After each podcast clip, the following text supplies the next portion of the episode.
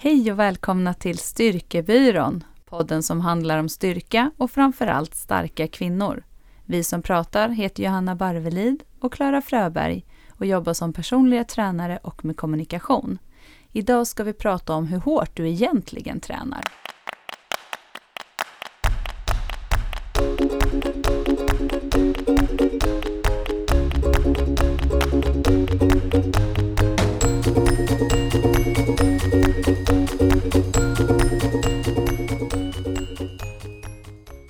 PB marklyft Johanna, hur hårt tränar du egentligen? ja, jag tränar jävligt hårt va? Nej men, eh, jo, just nu i mitt program skulle jag säga att jag tränar rätt hårt. Du, hur mycket var det du drog häromdagen? 155. Det är ändå en ansenlig mängd kilon. Mm. Ja men det måste ändå vara ett tecken på att jag tar i tillräckligt mycket för en progression i min träning. Verkligen. Det var så roligt för vi var ju och körde ett förmiddags, nej ett eftermiddagspass var det tillsammans. Jag hade bänk i mitt program så vi körde bredvid varandra, så här lyxigt när man kan utnyttja varsitt ställe samtidigt. Eh, går ju inte alltid, speciellt inte nu i januari när det är så himla mycket folk på gymmet. Och sen så drog du en tung tvåa på 140. Har du gjort det förut? Ja, nej, jag har nog inte tränat på det sådär. Nej. Alltså, nej. För det, det, det, jag minns att eh, den första repetitionen såg klockren ut, lätt. Andra, då, då blev det lite tungt. Då blev du lite så röd i facet. Sen gjorde jag lite annat och sen så bara helt plötsligt så hörde jag typ så här. så vände jag mig om och då hade inte du sagt något. nej. Då hade du så här hållit på koll på klockan och allt möjligt och så hade Mm. du bara lagt på 15 kilo till och bara drog, drog till. Mm. Ja, men jag kände, kände det så här att, ehm, att jag kände mig så jäkla stark i träningen. Mm. Och eh, jag skulle ju jobba tunga två år. Det var ju syftet med mitt pass. Eh, men sen så kände jag så fan jag har så jäkla mycket att ge idag. Så var jag så här, ska jag gå upp och dra en tvåa kanske på 150? Det är ju mitt tidigare person, bästa. Mm. Så tänkte jag så här, fan jag ska kanske göra det. Ja, jag testar. Och sen när jag hade lagt på 150 så tänkte jag, äh fy fan vad tråkigt, det här har jag ju dragit redan. så tänkte jag så här, jag har det i mig idag, det kände jag. Mm. Och så, så la jag bara på fem kilo till, så då Mm. var det 155. Så tänk, och så tänkte jag bara så här, äh, jag gör det bara nu, jag skiter i det, jag så stor grej av det här. Och sen så, ja, så hade jag ju vilat tillräckligt länge. Och sen så gick jag fram och så bestämde jag bara så här, fan jag håller ju aldrig, mina pers tidigare är, pers, Mm. är ju med, van, alltså jag har ju inte vänt någon hand, utan jag håller ju vanligt grepp med Mm. tummen. Jag är ju liksom stark där, jag kan hålla ganska mycket. Mm. Men så tänkte jag så här, fan så jag testar och bara byter grepp. Nu är det ju ändå så här 155 kilo, så det kanske kan vara skönt. Så gick jag ju bara fram och drog upp stången och det var ju absolut tungt. Men jag vart ju så chockad själv. Jag stod ju typ i toppläget när du kom på att Ja, det var Det personbästa. såg lika tungt ut som den där tvåan på 140 ungefär. Ja, exakt. Och så vart jag ju så chockad att jag bara, gud var det så här lätt att dra upp 155? Så att eh, jag hade ju fortfarande fin och god teknik på mitt maxlyft. Så att jag, Mm. jag, och det är väldigt skönt för nu tänker jag ju så här, om någon frågar vad jag maxar i marklyft, då kommer jag säga 160. Det där är så roligt och och det är så kul hur du funkar. För du kommer ju ta 160 bara genom att säga så också. Ja. När du drog 150 i Thailand, eh, tangerade gammalt PB, då sa jag till dig så här, skärp dig nu annars så blir det ingen bra film på Styrkebyråns Instagram.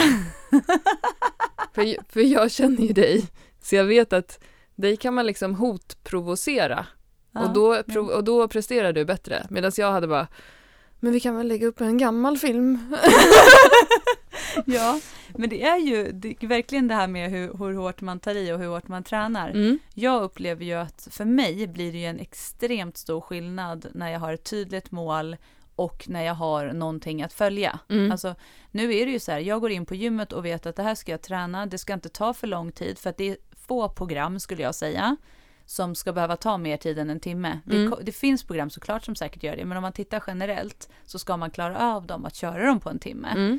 Och då handlar det ju också väldigt mycket om vad har man för intensitet i passet och liksom hur mycket tar man i. Mm. Och eh, där är det ju också så här att en vana hur mycket man har tränat och hur kroppen funkar, hur, hur pass liksom, eh, vad ska man säga, redo man är för att ta i ordentligt utan att för den skulle bli helt död på varje övning. Mm. Mm. Men jag upplever ju nu i mitt program att jag, jag har en sjukt mycket högre intensitet till passen. Jag hinner mycket mer Mm. eh, och jag kör ju mycket tuffare. Jag utmanar mig själv hela tiden för Mm. att den påminner ju också mig om att titta så här, hur mycket tog du förra gången? Kan du ta lite mer den här veckan? Mm. Och då pratar vi alla övningar, men framför allt i de assisterande. Då Mm. Alltså inte de övningarna som är de tunga.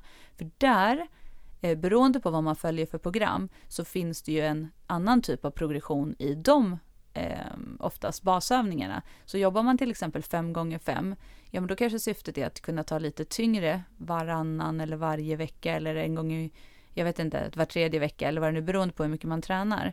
Men syftet i de övningarna är ju inte alltid att det ska vara maxtungt. Nej, Utan där handlar det ju inte om att ta i, att det ska vara samma sak som att lyfta sina max. nej. Och det är väl det som är den stora skillnaden i beroende på vad du har för program och hur mycket det är utformat utifrån det du vill. Ja. För som för mig var det ju nu, nu hade jag ju så max två, alltså att jag ska jobba upp till exempel en tung två eller tung etta eller någonting. Mm. Och då är det ju syftet att jobba tungt. Sen Mm. kan jag ha repetitioner där det ska vara sex repetitioner som ska vara på 60% av mitt max. Då är det klart att jag blir ju inte trött av att köra fem sådana set knäböj. Nej. Alltså, det är klart att jag kommer känna i kroppen att jag har gjort något, men det är inte så att jag står där efteråt och bara "Ah, det här är så jäkla jobbigt, det här är så jäkla jobbigt. Mm. Utan det, så det är väldigt mycket handlar ju om vad det är för typ av program, vad syftet är, Mm. vart du är i, din, i ditt program. Liksom. Ja, och det där är intressant att du tar upp det, för vi har ju vi, vårt förra nyhetsbrev, eller om det var det förra, förra så la vi ut ett gratisprogram som var en mod- modifiering som vi gjorde lite styrkebyrån-style av ett väldigt känt träningsprogram som heter Westside for Skinny Bastards, som är ett program där man jobbar väldigt mycket med explosivitet, hastighet och sen väldigt mycket bodybuilding. Och då har vi ändrat lite, ganska mycket, vi har lagt in den typen av uppvärmning och aktiveringsövningar som vi tycker är bra och sen har vi tagit bort en del för att det blir för tufft för våra, liksom, våran målgrupp och sådär. Och i den Facebookgruppen som vi har startat så finns det faktiskt både en så här, träningsgrupp nu med några som ska träffas eller har träffats och tränat där och sen en tråd för de som tränar programmet.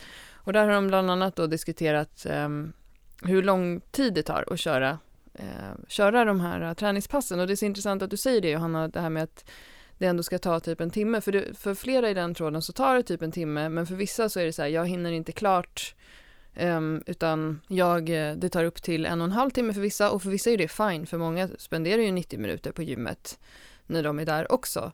Uh, Medan vissa då måste ta bort övningar för att de inte hinner.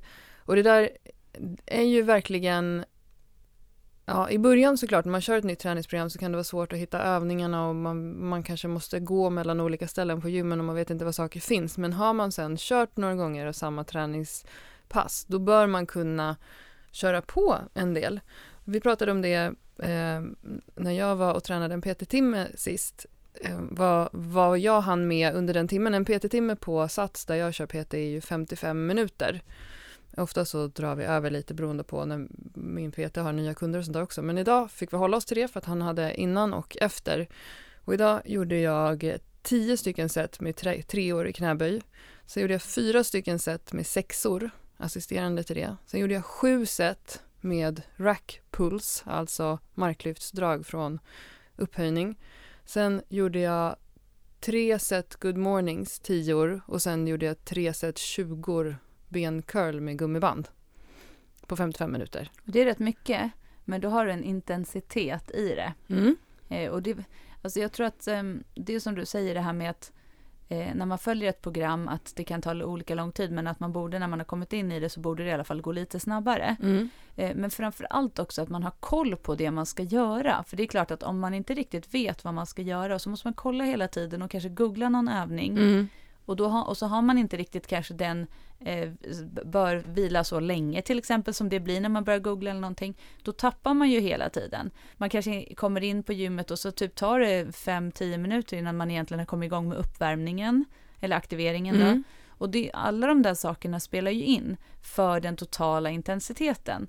Men ser jag till att liksom, okej, så här, jag kommer in på gymmet, jag har mitt miniband eller mitt gummiband eller vad det nu är jag ska ha. Jag ska göra armhävningar och jag ska vara, göra chins till Mm. exempel. Ja, men då ser jag till att placera mig så att jag har alla de där sakerna. Mm. Så bränner jag liksom av det. Jag kan inte behöva hålla på och vila emellan utan aktivering och uppvärmning, kör på. Jag gjorde uppvärmning idag också, inklusive i min PT-timme. Men det jag kan säga också är att när jag tränar med honom så sätter han också en timer exakt Mm. efter varje övning. Sen pip pip så piper den, då kör jag Mm. igen. Så det finns liksom ingen Och det är det jag tror också att kaffe. Exakt, och det är det jag tror många missar, att man sätter sin, så här, men jag ska vila typ så här lång tid. Och så sätter man sin telefon och så gör man något annat, så bara, oj nu har det visst gått tre minuter fast jag skulle bara vila 90 sekunder. Mm, Då har man en och en halv minut kanske på Exakt. varje set extra.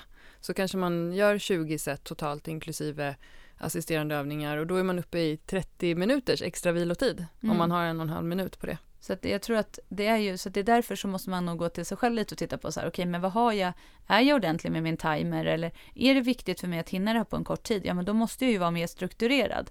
Då måste jag ha lite koll, då kanske det är så här, ja men jag gör den där övningen före för att de sitter ihop, ja men gör då det. Alltså det handlar ju ändå att, att anpassa utifrån sina egna eh, förutsättningar och vart man är någonstans. Mm. Och det är ju klart att det är en stor skillnad i ett pass som man får som inte är exakt för en person. Annars kanske man har den dialogen. Absolut, och det är också, vi fick ett mejl om det eh, från en tjej som då ville ge feedback att hon inte, dels att hon ehm, inte hann klart passet på en timme och dels att hon tyckte att det var för tungt. Och då så svarade vi henne att Ehm, det är ju såklart så att när man, när man kör ett program som är gjort för generellt för många, för till exempel i det här programmet så står det ju så här, välj mellan de här åtta övningarna. Och då kan man ju välja övningar som man känner sig trygg med eller så kan man välja nya övningar som man aldrig har gjort och så vidare. Men att då, då, när man kör ett sånt träningsprogram så är ju inte det individanpassat eh, utifrån. Och om du, Johanna, du gör ju ofta program till dina PT-kunder. Jag tror att alla nästan kunder du kör med just nu har ju ett eller annat upplägg som de kör ifrån dig. Då är ju det anpassat efter hur, både hur lång tid de har på sig att köra, hur många dagar i veckan och även såklart deras utmaningar och förutsättningar. Att de här, de här övningarna tar vi bort för dig, vi lägger till de här istället. Och det är ju den stora skillnaden och varför man också går till en personlig tränare. Ja, och framförallt anpassningen under tiden. Att när det är så att man har kört lite så stämmer man av. Och är det några pass som blir väldigt långa, då tittar man ju dels på varför blir de långa. Okej, är det någonting vi kan förändra eller är det så att det där tar lång tid för dig för att du behöver den här vilan när du kör så här tungt? Eh, vad är du uppe på för vikten nu? Okej, ja men vänta, nu måste du ha längre vila. Ja, men då anpassar vi det. Och den anpassningen har man ju inte i ett färdigt program som man delar ut så här såklart. Nej. Men jag tror av min erfarenhet, om jag tittar på de som vi träffar och när, vi liksom, när det kommer nya kunder som oftast kommer, skulle jag säga, en stor del av de som kommer till oss är ju just för att de inte tycker att de får resultat. De tränar, generella kunden tränar en del, men de kommer inte dit de vill. Och då är det ju sån sak att dels så har de inte någon direkt struktur i sin träning och sen att, eh, att det inte blir någon ordentlig kontinuitet och ingen intensitet. Alltså det, det går för långsamt. Man gör för lite saker per träningstillfälle. Mm. Det skulle jag säga är en jättestor anledning och det upplever jag också att man ser nu när vi när vi har den här gruppen, när folk skriver och feedbacken just att vårt, det här programmet, att det var så jobbigt för det var så mycket övningar. Mm. Att det är också en sån här sak som, okej, man bekvämlighetsträna är ju något helt annat och det är ju sjukt skönt och fantastiskt. Och det tycker jag man ska göra ibland också. Men vill man ha resultat så kommer man inte kunna bekvämlighetsträna.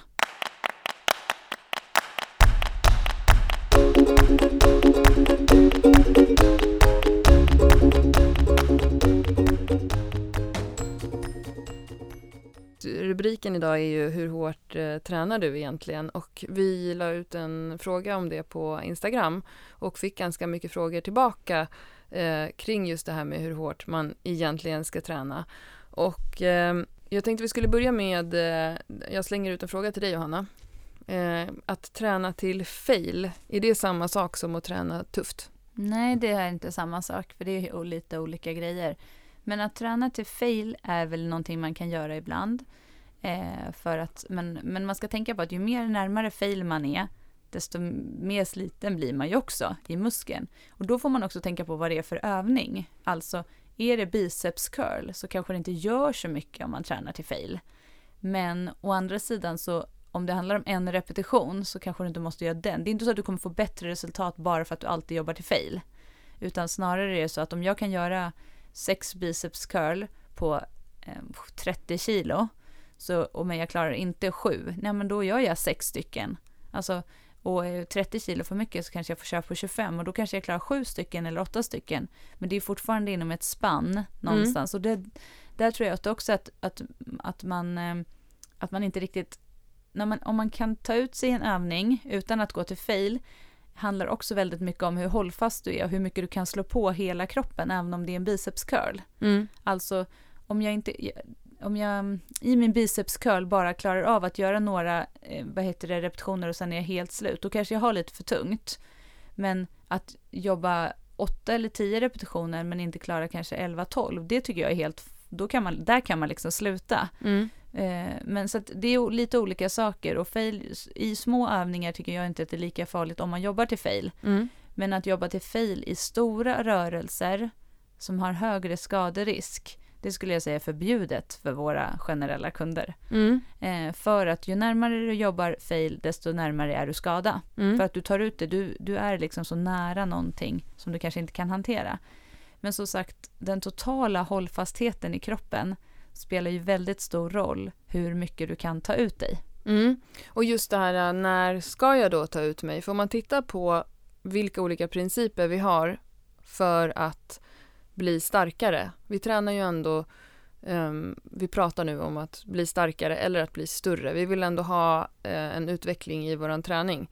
Då finns det ju lite olika saker som vi behöver ta hänsyn till och en av de principerna som vi ofta pratar om är ju specificitetsprincipen, att du blir bra på det du tränar. Du kommer inte bli bra på knäböj om du inte gör knäböj. Och sen har vi variationsaspekten i det, att du kommer också behöva variera din träning och progressionsprincipen, att du kommer behöva utveckla din träning för att kroppen är genialisk i att anpassa sig efter vad du utsätter den för hela tiden. Och gör vi samma sak hela tiden så kommer den att anpassa sig till det och inte utvecklas och inte fortsätta göra det.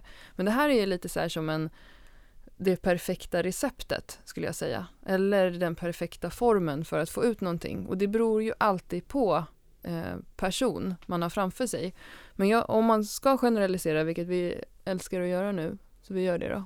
Mm. så skulle jag säga att, nej men att de, de flesta som kör då ett nybörjarprogram eh, eller de flesta som knallar in i våran studio och går på våra grupper och som kanske inte har kört eh, och följt så mycket program. De behöver både eh, variation, progression och specificitet. Alltså alla de här hänger ihop för de personerna.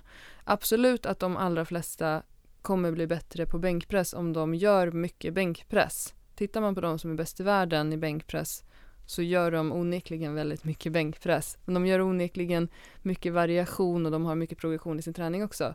Men de som kommer in hos oss, de behöver ju också det här som du pratar om med hållfastheten och de behöver eh, lära sig att ta i, lära sig att ta ut sig och de behöver bygga på med muskler och volym. Så därför rekommenderar vi ju ofta att man kör ganska mycket assisterande övningar också.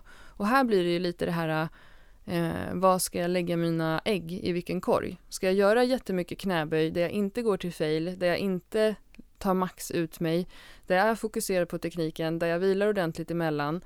Eh, vilket då om jag har de här 55 minuterna på min lunch, ska jag skita i de assisterande övningarna då?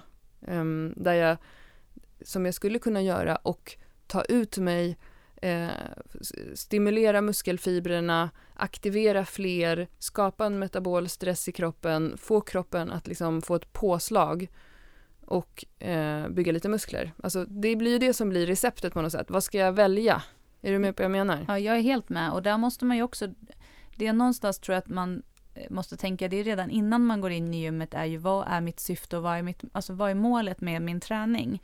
För att om alla pass är så, att det är tre lunchpass jag gör i veckan och jag har 55 minuter på mig, mm. då måste jag ju lära mig att prioritera min tid. Och då måste jag ju fundera på om det är just nu en, en tid jag vill fokusera på teknik i knäböj, göra mer knäböj och hinna mindre bodybuilding och inte känna mig lika trött. Eller om det är att kanske riva av några, tung, några femmor som är tre, fyra, femmor som är liksom bra tyngdvikt för att jag orkar göra likadana, fokusteknik och sen bara köttar jag och kör eh, mina assisterande övningar. Och då tror jag också det här med att, eh, att ta ut sig, det handlar ju inte om att man måste då ligga som en blöt fläck på golvet, alltså att man har kört burpees, det har vi pratat om förut. Mm. Som många eh, förknippar med att ta ut sig är ju att man måste göra puls, rena pulsövningar.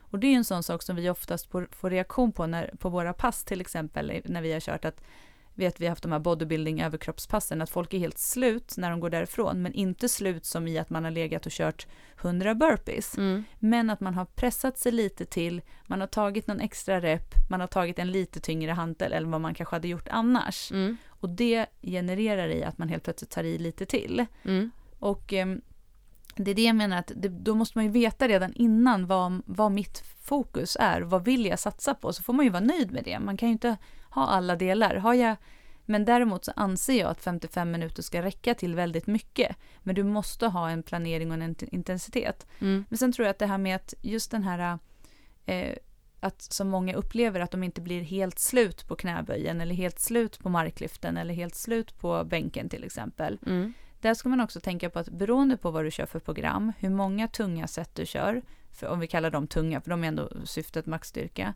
så måste man också tänka att ju mer hållfast du är i kroppen och desto tyngre vikter du kommer kunna lyfta, desto tuffare kommer de passen bli även när du har de lätta passen. Mm. För att det blir en tyngre total belastning på din kropp. Och jag har en kund som har jobbat med mig en tid och som, som är inne nu på sitt tredje program tror jag. Och det, och det som hon hade i sitt tidigare, hon hade ett jättetufft program i det som hon hade nu innan där hon har fått nu.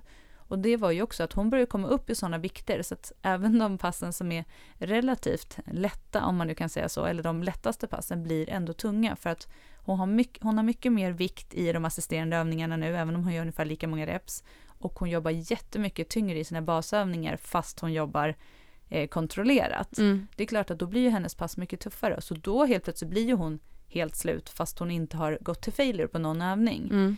Eh, och det är den här som är den svåra, att ju mer van man är, så ju mer lär man sin kropp. Så även om vi säger så att man inte ska ha koll på sina max och inte, så är det ju på sätt och vis också, det är ju först när du har väldigt bra koll på hur mycket du pallar som du kan anpassa din träning ännu mer. Det, det, är någon, det är någon av de här äh, klassiska sovjetiska tyngdlyftningstränarna, jag kommer inte ihåg det, som, vem, vem det är bara, som sa att ähm, eh, intensitet i träning handlar inte eh, om hur trött du blir, det handlar om att förhålla dig till ditt max, precis det du just sa Johanna. Att ehm, det blir mer intensivt beroende på vilken zon du befinner dig i när du tränar. Men jag tänker som det programmet, du och jag kör ju helt olika träningsprogram just nu, men vi båda skriver ju upp varje träningspass vad vi gör. Det gör ju också att vi hela tiden försöker bli lite bättre Mm. varje gång vi kör. Jag väljer inte 8 kilos hantlarna varje pass, utan jag försöker hela tiden att öka. Och bara det eh, ökar ju också intensiteten eh, i passen. Mm. Men vi fick, eh, vi fick ju några frågor på Instagram och en av dem är eh, lite mot det du säger nu Johanna, eh, eller flera var det ju som skrev så här att så fort jag kör tyngre och tar ut mig mer så skadar jag mig. Mm. På en sån fråga så skulle jag ju svara direkt så här att då måste man börja titta på basen. Om du tar ut dig, och då antar jag att vi pratar assisterande övningar, det kan ju vi bara anta här, eh, och att man skadar sig i dem, då tycker jag inte att man har byggt en ordentlig bas. Och om det är att man syftar på sina basövningar, och då jobbar man förmodligen för tungt utifrån vad kroppen klarar.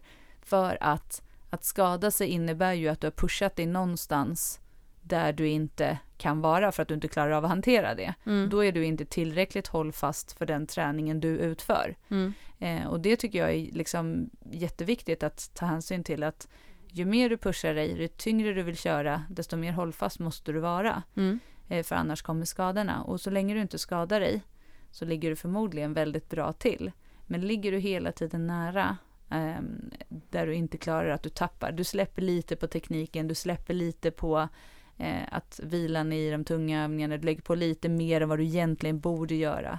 Så, kommer du kanske, så hamnar du förmodligen där och då är ju så här, vad är syftet med det? Du kommer ändå inte kunna följa ditt program om du är skadad. Och är du skadad, det har vi sagt förut, då är det första att bli skadefri. Mm. Alltså då kan man inte hålla på och tänka att man ska ta mer i bänk eller mark eller knäböj och att Mm. man ska bli max, utan då handlar det om så här, vart är min liksom, väg till att bli skadefri? Sen kan du börja fundera på de andra grejerna. Mm. Det är precis som när man har fått barn. Alltså jag kan inte så börja med att säga så här, nu ska jag ta så här mycket marklyft, utan jag måste bygga upp en stabilitet för att orka dra de här marklyften Mm. med en god teknik. Um, så att, ja, då skulle jag bara säga att liksom, då, har du, då är du fel ute, då får du backa lite. Och det är ingen som vill höra det, men det är sanningen, för det finns liksom ingen genväg. Nej, det är flera som också frågar vilka övningar är det man ska ta i då när man kör och alltså, vad betyder det? När ska vi ta i? Du var ju inne lite på det nyss Johanna, det här med eh, god teknik i basövningar och att sen kötta i de assisterande. Kan du utveckla? Mm, ja, men just basövningarna är ju de övningarna som vi pratar om där vi vill att man håller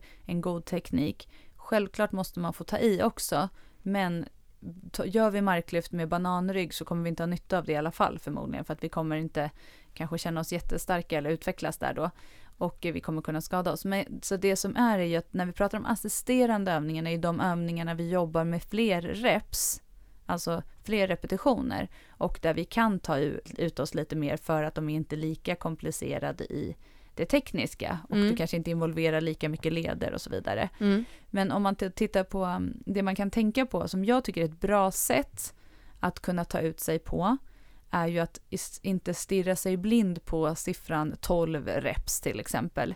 Utan att man kanske har lite mer som ett repsspann. Mm. Att man tänker okej, okay, men jag ska göra, nu ska jag göra de här eh, tricepspressarna till exempel. Ja men en tricepspress är ju så här, ja den kommer du förmodligen inte få jätteproblem med ländryggen i om du står och pressar ett rep till exempel. Eller mm. liksom så. Som jag gjorde i den filmen exakt, på Instagram. Exakt. Den är ganska så eh, foolproof. Ja, och då är det så här, det är inte hela världen om de sista repetitionerna är lite fula. Döds, Nej. Dödsryckningar. Exakt, lite dödsryckningar i tricepspress, det är ganska bra. Men då kan man också tänka så här att, okej, okay, om jag tänker så här, det står typ 12 i mitt program, ja men då vet jag att 12 betyder ju ändå att det, det är ganska mycket reps och det är lite fokus på bodybuilding. Då kanske jag kan tänka också så här, man kanske kan göra 8 till 15 så kommer jag få ungefär samma resultat. Mm. Alltså, istället för att ta en vikt och så gör du 12 stycken och så kände du så här, ja men jag hade ju kunnat gjort två till. Mm. Så, så tänk att så här, okej, okay, men jag ska ligga någonstans mellan 8 och 12. Då kanske jag vågar ta en tyngre vikt och så blev det bara 10. Mm. Men jag har fortfarande jobbat och gjort slut på mig själv. Mm. Och det tycker jag är ett bra tips till de som tränar själv. För det är många som ska säga, hur ska jag ta ut mig när jag är själv? Och det är inte så lätt när man är själv och man går där i sin bekvämlighetszon. Och det gör man. Men då måste man ett ha skrivit upp vad man tog förra gången för att ha koll på det. Mm. För att annars lägger du också massor med tid på att fundera på vad du ska ha för vikter. Och det är exakt det här också som gör att det tar tid. Så att ha koll på så här, okej okay, men idag ska jag göra biceps curl. Förra veckan hade jag eh, två 9 kilos hantlar. Nu ska jag ha två 10 kilos hantlar. Mm. Förra veckan gjorde jag eh, 10 repetitioner, idag blev det bara 9. Mm. Men jag hade tyngre hantlar. Så att egentligen, om jag räknar på den totala belastningen, mm. så har jag haft mer. Mm. Och det är exakt det här att man glömmer bort att det inte bara varje reps och set som räknas, räknas, utan man måste också kika på vad blev min totala belastning. Och vill man nörda ner sig så är det perfekt att sitta och räkna på efteråt. Det kan man inte hålla på att räkna under tiden, för det Nej. tar också för lång tid. Precis. Men att liksom så fundera på att även om du gör ett repetition mindre med en tyngre vikt, som är kanske 1-2 kilo tyngre, så kommer den totala belastningen på dina biceps vara större än vad den kanske var gången innan. Och det är ju också en progression. Så att man inte bara tänker så här 12 stycken och sen måste jag öka vikt och ta lika många, utan jag gör 11 på 2 kilo till. Mm. Så det kanske är bättre egentligen. Och det tycker jag är ett bra sätt, just att tänka lite mer repsomfång i de assisterande. Så när jag tränade med min PT sist och gjorde 18 reps på min sista övning i Good Mornings, då betyder det att jag måste ta tyngre nästa gång? Ja, lite faktiskt.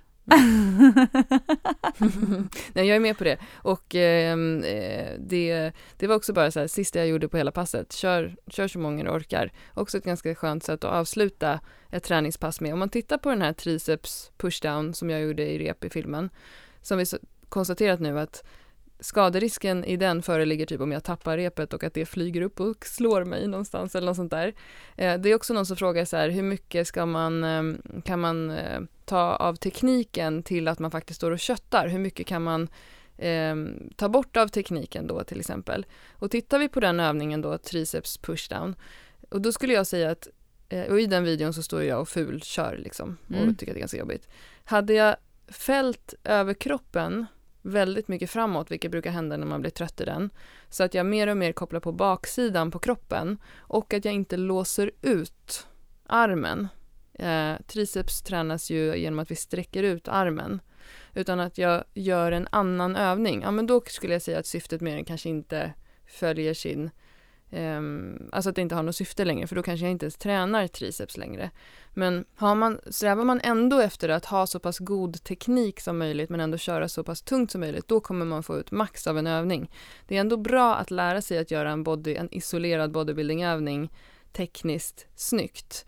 För att då kommer du också verkligen, här är ju syftet att isolera och träna biceps eller träna triceps och gör vi inte det utan vi gör någonting annat, ja, men då kanske det inte har så mycket syfte och det är ju det du menar Johanna med att man inte ska köra på det sättet när man gör sina komplexa helkroppsövningar.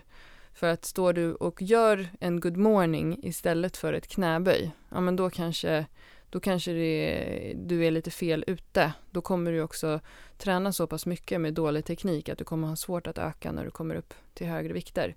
Så där får man välja lite hur strikt, hur strikt man vill köra. Men det är bra att lära sig även de här äh, nördtekniska bodybuildingövningarna korrekt utfört från början. Ja, men jag tänker att det är också så lite när brister, är det på så repetition 10, 11 och 12 mm. eller är det på repetition 4? Mm. Alltså för att det är ju samma sak om man tänker en sån här klassisk eh, riktig så här köttarövning, enarmsrodd med mm. hand, mm. hand på bänk och knä på bänk. Mm. Det är också så här, jag kan ju ta en vikt som jag står och sliter i som en galning och skriker lite och armen fladdrar upp och ner. Men egentligen så har jag inte jobbat så mycket med det som är syftet med mina skulderblad, för jag har mm. inte alls haft någon förflyttning i skulderbladen utan jag har mest ryckt i armen. Då har jag kanske inte fått ut så mycket av övningen, precis som du säger Klara. Mm. Utan först och främst måste jag så fundera på vad är det jag gör nu? Mm. Alltså som du säger, är det en tricepsextension? Mm.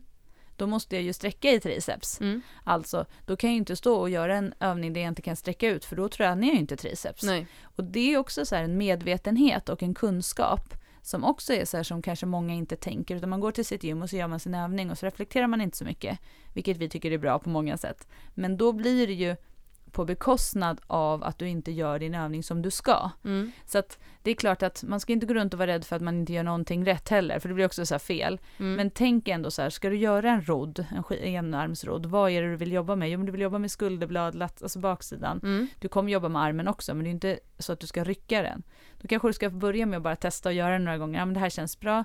Och sen så om det är så att sista två repetitionerna blir så här, jag fick rycka lite. Ja, ja. Men då kanske det inte gör så mycket, för då kanske det var skönt för dig att få rycka ut de där sista. Ja, men nästa gång kanske du kommer göra alla strikt. Exakt. Så det där är väl skillnaden i vart den här gränsen går till att man tappar tekniken. För att då kan jag säga så här, jag har, jag har klart att jag har många som ska göra sina råd som får rycka lite i slutet, men skulle de börja med att stå och rycka i och inte göra rörelsen fullt ut i fullt rörelseomfång mm. till exempel, då finns det ju kanske ingen anledning att de ska ta den vikten. Då kommer de ju få ut mer om de sänker vikten lite, ja. kanske gör två repetitioner till istället. Mm. Och där är ju också, för det var en sån fråga vi fick, mm. det här med att eh, om, om rörelsen blir mindre, mm. eh, då kan man ju också säga, vad är syftet? Mm. Är det till exempel att knäböj och vi gör en högre knäböj för att vi vill ha tung vikt på det, ja men då är det ju helt fine om vi inte mm. vill göra den så djup för att vi vill göra en explosivt tung med tyngre vikt. Men är det så att jag ska göra mina knäböj och lägger på för mycket och så helt plötsligt så går jag ovan parallell för att jag inte orkar. Nej, då finns det kanske inget syfte med det. Nej. Då kanske det är bättre att plocka av vikt och jobba med en djup knäböj för det kommer du egentligen bli starkare av. Ja, eller lite det här äh, som vi pratade om i något annat avsnitt att du ska inte börja med att bryta reglerna innan, innan du har gjort grunden först. Då kan du börja med alla de här variationerna också. Mm. Men eh, det finns inget syfte med att göra tusen utfall åt olika håll om du inte kan göra en knäböj eh, uppifrån och ner på Nej. ett bra sätt. Varför göra saker på ett ben om du inte kan göra det på två? Mm. Så komplicera inte saker. Men, ehm... Klara, vänta innan vi går vidare där. Det där var nästan, vad pratar du om någon speciell träning nu eller? pratar om sån här funktionell träning. Just det. Okej, nog om detta. Blir man starkare av funktionell träning? Det vet man ju inte eftersom att man tränar i olika vinklar varje träningspass. Det. Så det går inte att mäta. För då kan man alltid säga så här, men jag utmanar kroppen varje gång åt olika vinklar. Don't get me started. det är så roligt. Det är så kul att hetsa lite på vissa saker. Det var länge sedan vi hetsade nu så det var tvungen.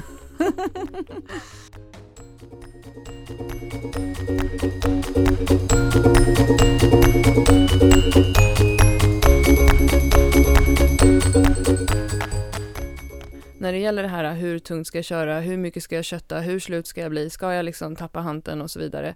Det är just den här koefficienten över en längre tid, för du och jag tjatar ju alltid om det här med kontinuitet, att det är liksom receptet för all typ av framgång inom träning.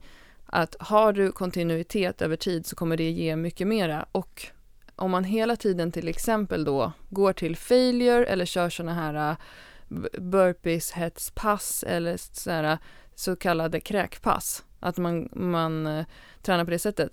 Ett resultat av det brukar ju vara att man blir så pass sliten av träningspassen att det kanske tar lite längre tid innan man kan gå och träna ett tufft pass igen.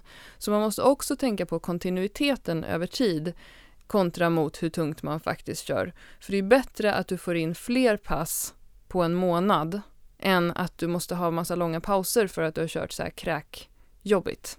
Mm, definitivt. Och också fundera på vad, vad innebär jobbigt. Det behöver som sagt inte vara kräkjobbigt på det sättet. Du är ju helt slut idag i kroppen, men du är ju inte kräk, alltså som att du ligger och flämtar, utan det är ju att du är slut i muskulaturen.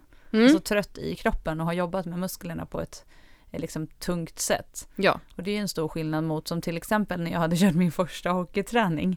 när jag var liksom slut som i att jag hade haft mjölksyra i varenda jävla, vad heter det, övning. Ja. det är ju slut på ett annat sätt. Men det gör, det, den, den slutheten mm. i kroppen hade jag ju sjukt mycket längre återhämtning från än vad du kommer ha på det här. Även om du kommer behöva vila nu mm. för att du har kört ett brutalt pass. Mm. Ja mm. men visst, och det är ju det att att också kunna känna sin kropp, eh, att komma tillbaka till eh, när jag går in på gymmet nästa gång, att kunna känna så här, nej men jag ska nog inte lägga på så mycket idag för jag kommer ha en högre skaderisk för att jag är trött i ländryggen. Det handlar ju också om att, att lära känna sig själv och känna sina gränser. Och i, i de syftena så kan det faktiskt vara bra att pusha sina gränser ibland och köra ett sånt där så kallat kräkpass eller vad som helst. Det är ju verkligen också ett sätt att träna pannbenet. Och nej, du kommer inte bli bättre på tunga mark om du gör tusen burpees, men du kommer lära dig eh, om dig själv vad som faktiskt händer när du går i, in i den zonen och eventuellt kanske kunna använda dig av det någon annan gång när du lyfter tungt. Mm. Och det där som du sa nu också, det här med att kunna känna sin kropp, det är ju också någonting som kommer med tiden när man är van att träna. Att man också gör skillnad på vad som är sliten kropp, vad som är lite trött, vad som är lite slöhet. Mm. Eh, att liksom, vi har ju gånger när jag, vi hade ju ett pass för inte alls länge sedan när vi gick in och jag var så här, nej men jag kör det här idag. Jag känner att idag kan inte jag köra utifrån mitt program, jag, jag är inte där idag. Mm. Och det handlar ju också om att då kunna göra någonting vettigt som kanske ger mer i längden än att köra bara väldigt lätt och eh, liksom försöka följa sitt program, att man faktiskt också hittar alternativ när det behövs. Och det är ju oftast en sån sak som, som ligger liksom till varför man också lyckas, att man klarar av att liksom autoreglera. autoreglera. Det, det pratade vi om nyligen ja. och det var ju precis det du gjorde när du smackade på med dina marklyft nu också. Yep. Du autoreglerade din träning, du, eh, du kände att idag var det en sån dag och då lyssnade du på det. Um, och det du säger nu tycker jag är så, om man ska då supergeneralisera igen, så finns det ju lite två typer av klienter som kommer in till oss i gymmet. Där den ena typen är den här som eh, nästan kan bli lite rädd av att det är jobbigt. Jag minns att jag hade en klient en gång som tyckte att det var jätteläskigt att gå upp och ner på en steppbräda med hantlar i händerna. För att hon alltså, hon kände, hon fick lite ångest av när det blev puls och sådär och blev lite rädd för de känslorna. Så, sen finns det ju de som då verkligen aldrig kommer ur sin bekvämlighetszon på det sättet. Och många kan nog gå till botten med sig själva och känna så här, ja men jag har nog legat på mina 5 gånger 5 på 40 kilo i tre år nu. Mm. Eh, och, men jag trivs ganska bra med det och jag mm. rör ju ändå på mig, då kanske det är fine. Sen har vi den andra gruppen om man tyvärr generaliserar åt andra hållet som aldrig lyssnar på kroppen och som kör för tuffa pass hela tiden, som hela tiden är sliten, som ligger nära sin gräns och som kanske skulle få ut mycket mer av att eh, dra ner på intensiteten och dra ner på sin träning. Ja, men allt det här handlar ju om vad syftet, vart vill du någonstans? För att ingenting är ju rätt eller fel så länge du inte har några mål. Mm. Och många saker kan du komma långt på, men du kommer komma till något stopp någonstans. Och då kommer det alltid finnas en kanske smartare väg eller en annan väg för att komma dit du vill. Men så det är liksom, inget av det här är ju fel så länge du inte ställer några andra krav på dig själv. Alltså, mm. Nej exakt, du kan ju myskaffe, så vi kallar för kaffeträna. Det var helt det underbart. Ju, det är när vi bänkar och eh, har med termos, ibland till och med bulle. Jag skickade så- ju till dig Klara för ett tag sedan Ja. och bara, jag saknar våra kaffeträningar. För Ja. nu har ju vi haft båda två liksom tuffa program som vi har kört och då är ju vi så, även om vi kör bredvid varandra och vi kör samtidigt och vissa övningar kör vi ihop för att det är så här, men då är det ju ändå så här, det är ju så här, ja, nu har det gått 90 sekunder, kör, Mm. eller Mm. jag kör och du vilar, då vet vi att det är typ den vilan vi ska ha, så är det nästa. Mm. Och då, så, så nu känner jag ju så här att jag vill ju bara, jag skrev ju bara, jag vill ju bara käka bulle, marka och eh, dricka kaffe. Mm. För det, vi har ju inget sånt nu i våra program. Nej, men så vi dricker ganska mycket kaffe och det är bara att vi inte bänkar samtidigt just nu utan då jobbar vi istället. Men eh, em, jag har hittat en klassificering Johanna Mm. av det här med eh, lätta pass, mediumpass och tuffa pass och de här kommer från ett företag som heter Renaissance Periodization. Det spelar egentligen ingen roll var det kommer ifrån. Eh, det är ett företag som hjälper många styrkelyftare med sin kost. Ehm, så att de kör såna här eh, supertuffa upplägg inför tävlingar och sådana saker. Och för att då deras, de som följer deras program ska veta eh, hur de ska äta kontra eh, hur de har tränat så delar de in träningspass i tre stycken nivåer. Jag tänkte dra dem för dig Johanna så får du säga var du oftast ligger i din träning. Mm. Eh, då har de den lätta dagen, eh, lätta pass. Då kör man kanske lite rörlighet eller teknik. Eh, eller så är man precis inför en tävling så att man, man vill ju inte överträna sig själv, man vill toppa sig själv, man ligger kanske kring 1 till 3 reps, men man sliter ju inte onödigt där eller håller på med hypertrofiträning och sådana saker. Eller små kroppsdelar, eh, olika träningspass där man till exempel kör rumpa, alltså man kan köra lite rumpaktivering eller man kanske kör eh, armar eller man kanske kör axelprehab. Eller att man kör bara en cirkel i till exempel crossfit, att man kör en metcon men man gör kanske bara en AMRAP på 10 minuter eller 15 minuter. Eh, här, de här träningspassen brukar ligga mellan 30 till 45 eh, minuter och eh, du kanske känner att du har kommit upp i kroppstemperatur men du har inte svettats. Det är liksom lätta pass. Mm. Mediumpass, då, är det, då kan det vara styrka, det kan vara styrkelyft med kanske 15 arbetssätt, 3-6 reps per set. Eh, det kan också innehålla hypertrofiset, kanske 10 set med 7 till 12 reps per set. Stora eh, helkroppsövningar där vi jobbar liksom så här eh, hela knäböj, marklyft, den typen av rörelser. Eh, och de här träningspassen kanske eh, går runt, ligger runt en timme till en och en halv timme. Och eh, du, du kommer här uppleva att du blir lite svettig på t-shirten. Och du har liksom fått ta i med hela kroppen. Eh, men du har inte blivit helt eh, galet utmattad. För då kommer vi till tuffa träningspass. Och tuffa träningspass är ett typiskt eh, crossfit-pass. Där du till exempel ska eh, vad är det man säger i crossfit? Nu har jag glömt bort för så länge sedan. Där man, där man kör en vod som man ska tids... Eh, där man helt enkelt ska mäta sitt resultat. Så du ger allt. Du ger allt i en Cindy liksom. Eh, till, det står galna träningspass. Eh, där du, eller till exempel eh, hypertrofiträning, bodybuilding, där du gör kanske 15 set med 12 reps. Eh, där det står också att du håller på kanske upp till två timmar och du bränner kanske 1000 kilokalorier under ett pass. Och att eh, i normal eh, temperatur inomhus efter ett sånt pass så kan folk tro att du har duschat i din t-shirt. Alltså lite det här när man ligger på golvet och gör eh, hang loose symbolen med Ja, händerna. Mm. Typiska crossfit-posen. Mm. Här är de tre olika typerna av klassificeringar enligt dem av hur tuffa träningspassen är. Var ligger du oftast Johanna? Medel. Jag med. Lätt medel. Japp. Alltså, Det som jag räknade upp förut med mina knäböj och så vidare, det, det klassar jag som medel. mm, det skulle jag också säga. Jag, jag pratar under hela passet, jag får puls, jag blir svettig, jag tar i som fasen. Ehm, men det är ju inte så att jag tappar fokus eller någonting. Eller att jag tänker skjut mig någon gång under passet. Nej. Bellmanstafetten, fem kilometer på tid, det är för mig ett tufft pass. Det pågår kanske inte i två timmar, men då tänker jag ju skjut mig hela tiden. Mm, så tänkte jag också på halvmaran. Skjut Ja, mig. det är ju- hela tiden. Halvmaran är ju definitivt i den zonen. Mm. Ehm, och det är lite intressant att se på sin träning på det här sättet. Alltså var ligger jag oftast och hur påverkar det min intensitet över tid? Alltså fundera över det. Och jag tror ju att många som, eh, som vi träffar eh, det är ju jätteofta som jag har klienter i studion som säger till mig så här, åh herregud, så här tufft har jag aldrig kört. Och då har vi inte kört någon kräk-cardio, ingen assault bike, utan bara bodybuilding och styrketräning. Jag, jag tippar att många ligger åt eh, light-hållet. Mm. Alltså, Även om de gör passen. övningarna som du beskrev i medelpasset Mm, så ligger de i nivå med light, mm, skulle jag säga också. mm, Absolut.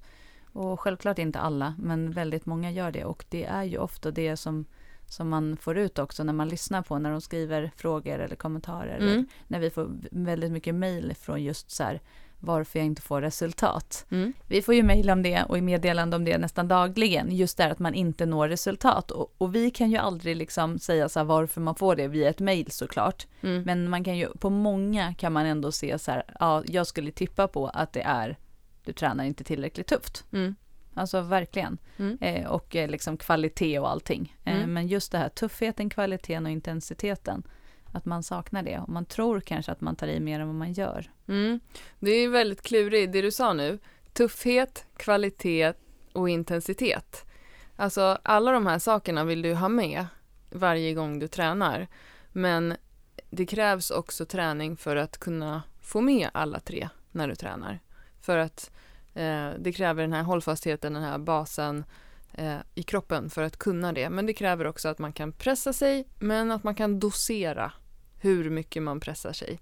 Så det är verkligen liksom en fin balans. Men de allra flesta, och det är en sak som du och jag märker ofta när vi till exempel åker på träningsresor och sådana saker, brukar ofta folk vara jätteoroliga innan och eh, höra av sig och säga så här, jag, jag har aldrig tränat mer än en gång om dagen, jag tränar fyra gånger i veckan. Nu är jag jättenervös att jag ska göra det två gånger om dagen eller tre gånger om dagen.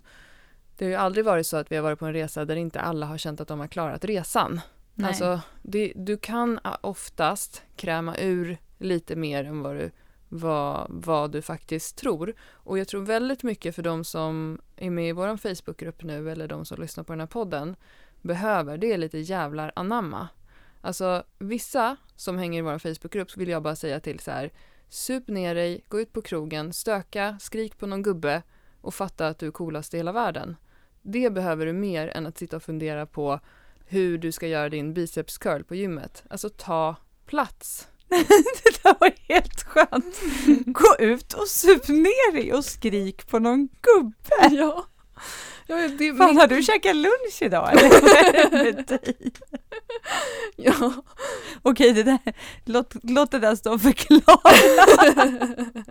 ja, men förstår du vad jag menar? Alltså, ja, jag fattar. det, alla, de Ta flesta plats. som, alltså 95% av alla videos som jag har sett i vår träningsgrupp där någon skriver så här, ge mig feedback, så är det så här, det ser så jävla bra ut. Alltså, Ja, gå och kör, ta i lite mer. Och sen får de så här 15 olika cues med folk som bara tänk på det här, det här, det här. Nej, gå bara och gör mer. Du är grym. Alltså de flesta, jag tycker folk är helt fantastiska. ja, nu kommer ju folk inte känna att de vågar skriva någonting klart till varandra. Det är ju jättefint att man ger lite feedback. Ja, alltså. Men, men Men, just det, men det är en fast- balans. Det är det här du menar. Tuffhet, vad var det du sa? Tuffhet, Kvalitet, kvalitet, intensitet. Det ska bli våra tre nya hörnpelare i företaget. Men just det här att, att det du säger, det har verkligen en poäng. Att våga utmana dig själv, våga ta i, ta plats, tro på dig själv. För jag, jag upplever att många, det är det många inte heller gör. Mm. Man, man tänker att man inte kan. Mm. Och absolut, nöt på dina liksom, böj och sånt, men våga också utmana dig lite. Och utmana dig då i de assisterande. Våga ta i, våga bli slut där. Mm. Eh, så kommer det också hända grejer. Men det är klart att, liksom, som du säger, de flesta har ju så här, det är ju så här små, små saker som man absolut kan korrigera, för man kan alltid korrigera saker. Mm. Det är liksom, det är få människor i världen som har en perfekt teknik. Men då skulle det bli jättetråkigt. Ja. Alltså vi nördar ju supermycket med Men våran så- teknik också. Ja, Och jag får massa, jag får massa skäll från min PT varje gång jag kommer hit. Bara, ut med rumpan, ut med knäna, nu gör du sådär, nu tappar du den. Det är ju roligt, alltså det är ju därför jag fortsätter att träna. Annars skulle jag ju inte göra det om jag inte tänkte att jag kunde bli bättre hela tiden. Men det gör ju inte att jag slutar att gå till gymmet eh, och, och ta i. Eh, eller ta plats. Nu, nu är det svårt att kanske, det är, ja, det är svårt att jämföra sig. Men ehm, jag har ju inget problem med att ställa mig bredvid någon sån där eh, typisk dude på gymmet och skrika lite. Det har jag ju inte. Så att jag ska faktiskt, jag får väl ta tillbaka att jag låter så sträng också. Ja, Men jag bara- faktiskt väldigt sträng Men jag egentligen. menar, det jag menar är att jag ser alla de här fantastiska, oftast kvinnorna, som är så kompetenta och som är så sjukt mycket bättre än alla de där gymdudesen. Ja, det är ju det. Att, men det är, ju, det är ju verkligen det här med att man, man ursäktar sig själv istället för att tro på sig själv. Mm. Och där har man Lite din grej. Nu kan jag säga att jag drar 160 i mark för jag känner att jag kan det. Men jag älskar det. Det är liksom, det är det som tar, det är det som tar våran, vårat företag framåt. Det Mm. tar mig framåt också. Det är jätteskönt. Nej men eh, bra, så tro lite mer på dig själv och våga, våga tro på att du klarar saker. För som sagt, vid det vi har sett av många så är det väldigt många som, som gör så väldigt bra saker. Mm. Men man tror inte riktigt på, på det själv. Nej, men om vi ska sammanfatta det här, eh, lite det här hur ofta ska någon köra vad och hur ska man veta vilka övningar man ska ösa på och eh, vilka övningar ska man ha krut kvar i så har vi gjort en lista på fyra punkter. Där första punkten är 1. du behöver träna hårt för att ha en progression. Eh, men om hårt stressar kroppen för mycket efter passen så att du inte kan utvecklas i nästa pass, då är det för hårt. Och där är balansen. Punkt 2 det ger bättre effekt att träna samma muskel flera gånger i veckan. Det brukar vi ju prata om. Och även här får man ju då tänka på, är min leg day så hård att jag inte kommer kunna träna benen överhuvudtaget inom en vecka, då är det för hårt. Eh, punkt tre, ett riktigt tufft pass, pass då och då eh, kan faktiskt hjälpa dig psykiskt inför att till exempel maxa din styrka. För då vet du hur du kommer reagera på eh, en sjuk påfrestning. Men det är ju ingenting, att, att köra en, ett helt galet cardiopass eller någonting har ju ingen specificitet i de här övningarna som vi pratar om. Men det kan vara intressant att lära, lära känna sig själv lite grann. Och sen nummer fyra, som vi alltid tjatar om, kontinuitet över tid. Alltså om du har ett större mål så är det viktigare för att kunna dosera dina tuffa pass än att du, att du bränner ut och maxar ut varje pass så att de är för tuffa. Så det blir egentligen punkt fem hade vi inte skrivit upp men det skulle ju vara följa ett program. Följ ett program. Mm. Det här får mig att tänka på hockeymatchen som jag spelade sist. Ja, Det här med att man inte kan bränna ut sig i första bytet. gjorde du det eller? ja men det blir ju lätt så. Man blir så jävla övertänd när man inte har spelat på så länge. Så då blir Och det din tävlingskänsla kan jag tänka mig. Mm. Så då går du all in i, ja, i eh, redan i första, första. bytet. Nej Ja. men det ja, lite så. Ja, men lite, det är ju, det är ju verkligen, och sen är det en träningssak också hur snabbt man återhämtar sig. Och det är något man tränar när man får ligga på typ, att träna sån typ av träning också. Mm. Men eh, det är ju verkligen en så stor skillnad för mig mot när jag är van att vara på gymmet och ha jäkligt bra koll på vart jag ligger och hur jag ligger till och hur tungt kör jag och Mm. sådär och vart, när kör jag mitt tufft och när kör jag lite mer mys liksom. Mm.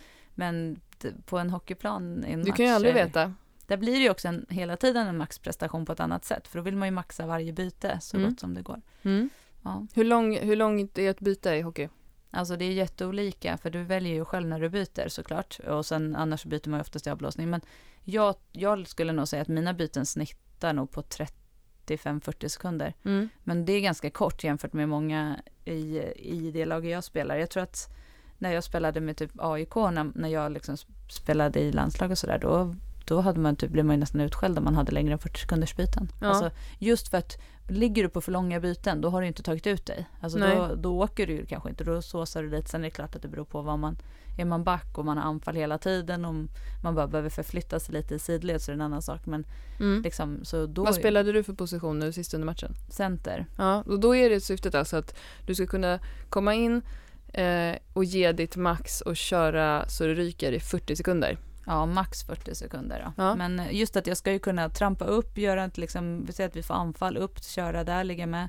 Och sen blir det liksom en kontring, då ska du ju orka hänga med tillbaka också. Mm. Och två, har du en sån upp och en sån ner, alltså, då står ju jag som två jävla stolpar med ben alltså. Då är man ju totalkörd. Så då gäller det ju att byta så man inte behöver glida runt och sen tänker att man ska liksom återhämta sig. Ja, ja, men då kan, man ju, då kan jag också förstå att när man tränar eh, inför det så kör man ju kanske då inte 10 minuters intervaller. Nej, För det Nej. finns inget syfte med det. nej. Kanske 50 sekunder Ja, så att man kan ge all in. Ja, vad kul. Det, det är också där, precis som vi pratade om nu innan, att det kan vara bra att köra riktigt tuffa pass ibland. med någonting annat för att känna att man är stark också. Men också känna hur man kan använda den powern och kan ta fram det. För jag gissar att du känner dig ganska stark nu när du spelar hockey. Definitivt, verkligen. Bra power på isen. Bästa känslan. Mm. Härligt. Men du, eh, jag tror att vi eh, ska, vi behöver nog dricka lite kaffe och käka bulle nu. Jajamän, bulle är dags för idag. Vi går och gör det. Ha det bra. Puss på dig. Hej då. Hej då.